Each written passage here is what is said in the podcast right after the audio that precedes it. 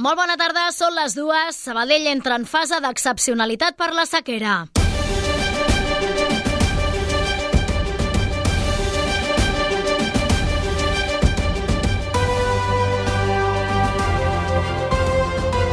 Notícies migdia.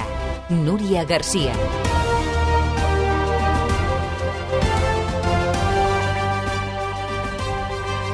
La Generalitat aplica el nou nivell al sistema Ter Llobregat, que és el que abasteix la ciutat, així com també a l'aqüífer del Fluviamuga, tot plegat per la situació de sequera que va a més i que ha deixat els embassaments en una situació crítica, al voltant del 28% de la seva capacitat.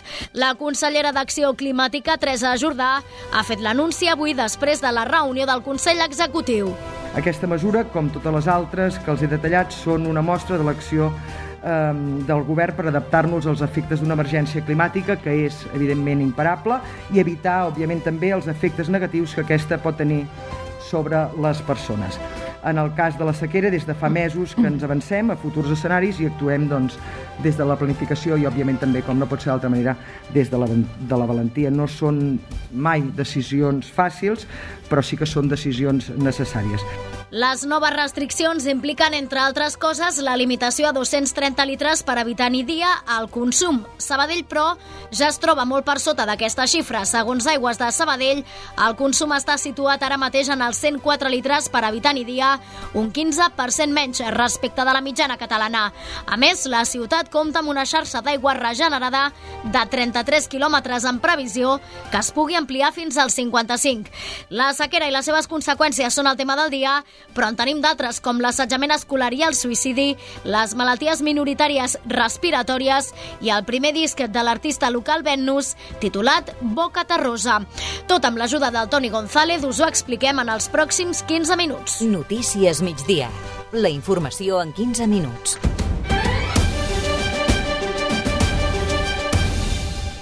Els serveis.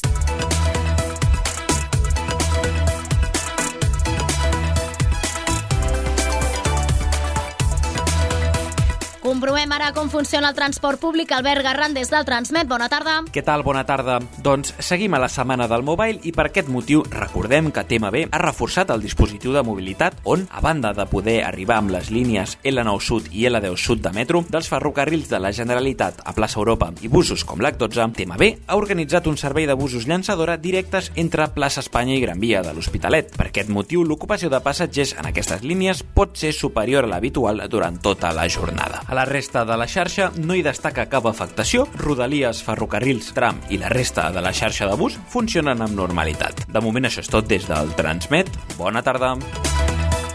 I pel que fa a la situació de les carreteres catalanes, a aquesta hora, tranquil·litat absoluta, circulació fluida al llarg de les carreteres catalanes.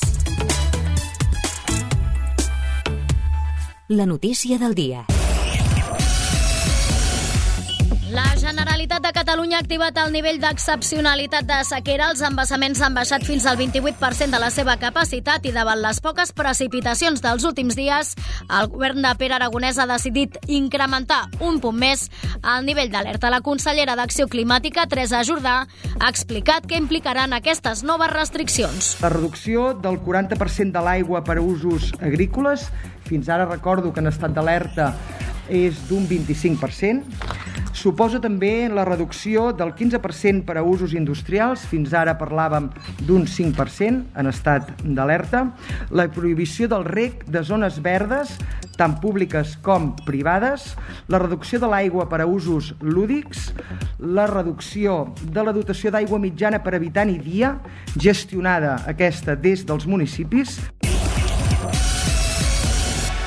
Des del govern també han remarcat que amb aquestes noves mesures es vol avançar a escenaris més catastròfics. Recordem que aquest és el tercer nivell de l'escala de sequera. Per sobre ja només quedaria el nivell d'emergència. Helena Molist, bona tarda. Bona tarda. En aquest nou nivell encara no s'imposen restriccions en l'ús de l'aigua domèstica. Sabadell, Xavier Cabanilles, director general d'Aigua Sabadell, apunta que la ciutat està molt ben preparada per a aquestes restriccions. Ara, de cara al que és el consum domèstic, no s'espera afectacions perquè és, és cert que la ciutat de Sabadell ja, ja ha fet la feina no? i que al ciutadà no se li pot demanar eh, que, que, que treballi eh, més per reduir el seu propi consum. És una ciutat molt resilient, el consum està al voltant dels 104 litres per habitant dia. Això és un, al voltant d'un 15% per sota la mitjana de Catalunya. Per tant, estem davant d'una ciutat que està preparada, que està treballant des de fa molts anys, un ciutadà que és molt conscient i, per tant, eh, aquest pas a excepcionalitat no portarà cap tipus de limitació a nivell de consum de boques. Precisament a Sabadell fa anys que es va implementar un projecte que treballa envers aquest objectiu, el de l'aigua regenerada. En total, actualment a la ciutat hi ha 33 quilòmetres de xarxa de distribució d'aquesta aigua, una xarxa que ara es vol ampliar als 55 quilòmetres amb l'objectiu d'arribar a altres ciutats, com per exemple Sant Cugat o Cerdanyola. Notícies migdia. 15 minuts d'informació. Les escoles han d'actuar més i més ràpid davant dels casos de bullying, si més no així ho creu el president de l'Associació Catalana per a la Prevenció de l'Assetjament Escolar, Joan Martínez. En una entrevista al Cafè de la Ràdio, arran del cas de les bessones de Sallent, Martínez ha afirmat que els centres educatius continuen negant que l'assetjament escolar és una realitat. Les escoles continuen negant que hi hagi bullying. Les escoles continuen negant de que eh, hi hagin persones a dintre de l'aula que no tinc les habilitats socials i facin la vida impossible als seus companys. Necessitem, mm, de forma imminent, de forma urgent, necessitem posar remei a això. O bé formem els nostres eh, professors i professores, o bé tenim una unitat externa al centre que vagi a donar suport quan, quan s'obri un protocol, un, un cas de bullying. Pau Duran, bona tarda. Bona tarda, Núria. El president de l'Associació Catalana per la Prevenció de l'Assetjament Escolar assegura que cal formar millor els docents i revisar els protocols. Alhora es mostra partidari d'anar més enllà de la sensibilització i prendre mesures més contundents contra els agressors un cop identificats. El col·le ho nega, les, els pares de l'agressor ho neguen, és que ja no sé què fer, és que ja no trobo al final que estic enfonsat a baix de tot i, i, i em parles de sensibilització? No. D'aquí s'ha de parlar d'una sanció eh, que s'ha d'imposar i que ha de ser exemplar pels altres. Ha de ser exemplar, ha de ser, ostres, no, mira, veus, és que si fas això et passarà això. Tot plegat perquè els casos no acabin arribant a una situació límit que porti els menors afectats a idees suïcides, una conducta que també s'ha greujat arran de la pandèmia. Carles Alastuey, representant de l'entitat Després del Suïcidi Associació de Supervivents, ha dit en declaracions al programa al matí que el missatge que se'ls ha de fer arribar és que hi ha solucions als seus problemes. Però és molt important saber que, que te'n pots en sortir és molt important que el missatge que arribi a les persones que estan passant en aquest moment un mal moment i que estan pensant en que el suïcidi pot ser l'única solució al seu patiment, pensar que és una solució definitiva en la major part dels casos per una problemàtica temporal una postura que l'Estuai defensarà en una taula rodona que es farà demà a la tarda a partir de les 5 al Centre Cívic de Cal Balsac sota el títol Parlem del suïcidi, trenquem l'estigma. Estarà moderada per la periodista d'aquesta emissora, Raquel Garcia. D'altra banda, el Taulí ja té l'acreditació de Centre d'Expertesa Clínica en Malalties Minoritàries Respiratòries. Després de més de 20 anys tractant pacients d'aquestes dolències amb baixa prevalença, ara s'ha convertit en el primer hospital de fora de Barcelona en rebre la certificació. Karen Madrid, bona tarda. Bona tarda. El coordinador de la Unitat d'Expertesa Clínica de Malalties Minoritàries Respiratòries del Taulí, Manel Luján, assegura que haver obtingut la certificació serà positiu per als pacients. Són declaracions al programa al matí. O podem tractar pacients de malaltia minoritària que ens puguin eh, provenir d'una altra àrea que no sigui. -huh. l'àrea de Sabadell. Aquesta és la vessant clínica. La vessant de recerca, per exemple, eh, evidentment és un certificat de qualitat el disposar d'una acreditació d'una XUEC és un, és un certificat de qualitat que, per exemple, pot atraure recursos d'estudis de la indústria. Per què? Perquè la indústria el que vol és que quan hi ha un nou fàrmac, aquest fàrmac es pugui a eh, provar. Des de la unitat es tracta més de mig miler de pacients amb fibrosi pulmonar, una trentena amb fibrosi quística i més de 250 amb bronquiectàcia. Tota la informació a Ràdio Sabadell. Les dues i nou minuts falta a la desigualtat. Aquest és el lema del cartell d'enguany del Dia Internacional de les Dones. El 8 de març el programa inclou una cinquantena d'actes entre xerrades, espectacles, taules rodones i també exposicions. Marta Morell, tinenta d'alcaldessa de Feminisme i Participació, ha explicat quin serà l'acte central. L'acte central de la taula de gènere i LGTBI de l'Ajuntament. Serà Llegim el 8 de març. Durant el casal Pere IV, tant en horari de matí com de la tarda, es aniran fent aquestes lectures amb poemes de, de dones i es podrà venir a recitar qualsevol dona que vulgui. Els clubs de la ciutat han col·laborat en el vídeo de difusió de la jornada que s'estrenarà el 8 MAP. Maica Garcia i Marina Garcia, waterpolistes del Club Natació Sabadell, participaran a la taula rodona del 16 de març, anomenada Dones i èxit esportiu. A més, es posaran 5 punts liles i s'il·luminaran amb aquest color les fonts de la plaça Catalunya, la Concòrdia i la Creu de Barberà, així com la façana de l'Ajuntament del 8 al 12 de març. Els actes s'allargaran fins al dia 31.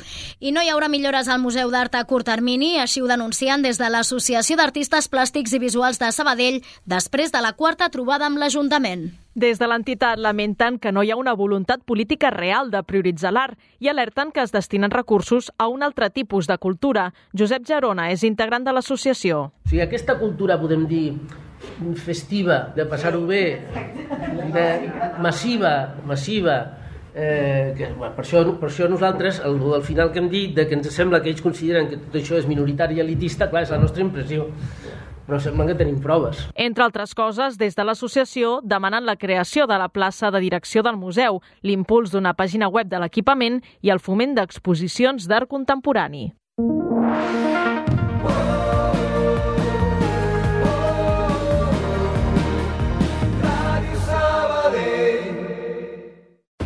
Busquem el sabadellenc de l'any. Ens ajudes a trobar-lo?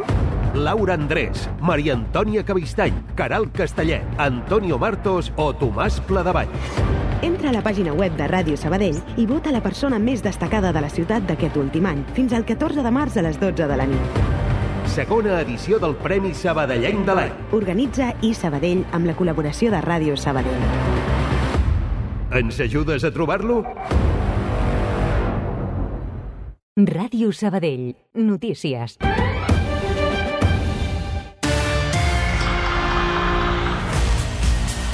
Sortim de Sabadell i la comarca per repassar altres informacions. Un jutjat de Madrid investigarà l'anomenada Operació Catalunya. Tot plegat després d'admetre a tràmit una querella de l'expresident del Barça, Sandro Rossell, contra l'excomissari José Manuel Villarejo i tres col·laboradors seus, dos policies i un exagent de l'FBI. De moment, els fets es poden investigar pels delictes d'organització criminal, falsedat d'un document oficial, denúncia falsa, detenció il·legal i malversació de fons públics, ja que bona part de les feines es van pagar amb fons reservats del Ministeri de l'Interior. Així ho han avançat La Vanguardia i Crònica Libre. Davant d'aquest anunci des de Junts han demanat al govern espanyol que es constitueixi de forma imminent la comissió d'investigació sobre l'operació Catalunya. Els preus han escalat d'altra banda dues dècimes al febrer de manera que han quedat situats al 6,1% segons l'indicador avançat publicat avui. La pujada de l'IPC s'explica per l'augment del preu de l'electricitat i dels aliments. Amb aquest augment, la inflació encadena dos mesos seguits a l'alça i situa la taxa en el nivell més alt des del mes de novembre passat. Cultura. La sabadellenca Venus ha estrenat avui el seu nou àlbum Boca Terrosa. He fet un espai entre He tardat dos vespres foscos i un acord. Sé que et vull... El nou disc que compta amb les col·laboracions de cantants com Ferran Palau, Meritxell Nederman i els sabadellencs Flashy Ice Cream. El projecte va néixer a l'habitació de casa seva en plena pandèmia i des d'aleshores no ha parat d'evolucionar. Aquest nou disc és Boca Terrosa, un títol que neix d'una mala època que la Valèria, és a dir, la Venus, i com va patir i compta amb lletres intimistes que conviden a la reflexió, diu, des del fons del cor. La sabadellenca es presenta amb una musicalitat més dura i més introspectiva. Aquest és el segon treball discogràfic de Venus que es va donar a conèixer el 2021 amb l'LP El Naixement. El temps.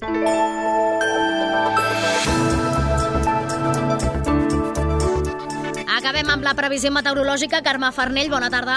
Bona tarda. Durant les properes hores encara mantindrem aquests núvols que no acaben de marxar amb aquesta sensació de fred també, sobretot en punts del litoral i del prelitoral, com a conseqüència també dels núvols. I cap a l'interior el cel ha de dominar, ha d'estar més asserenat i també d'aquí que les temperatures hagin remuntat durant aquestes últimes hores. Tot i això l'ambient és fred a bona part del país i ho continuarà sent també de cara als propers dies. Sobretot de la primera hora del matí que el cel tendirà a quedar més asserenat i podrà baixar una miqueta més la temperatura. En qualsevol cas, de cara a demà de nou han d'arribar bandes de núvols que també faran a la vegada que la temperatura màxima quedi un pèl més baixa. D'altra banda, pel que fa al buit, continuarà bufant el vent als dos extrems del país i la mar també es mantindrà un pèl alterada. Això és tot des del Servei Meteorològic de Catalunya. Un quart de tres, marxem.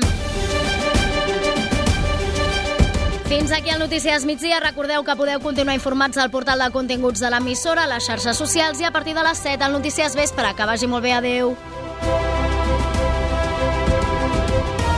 Allà on siguis, escolta'ns online. En directe.radiosabadell.fm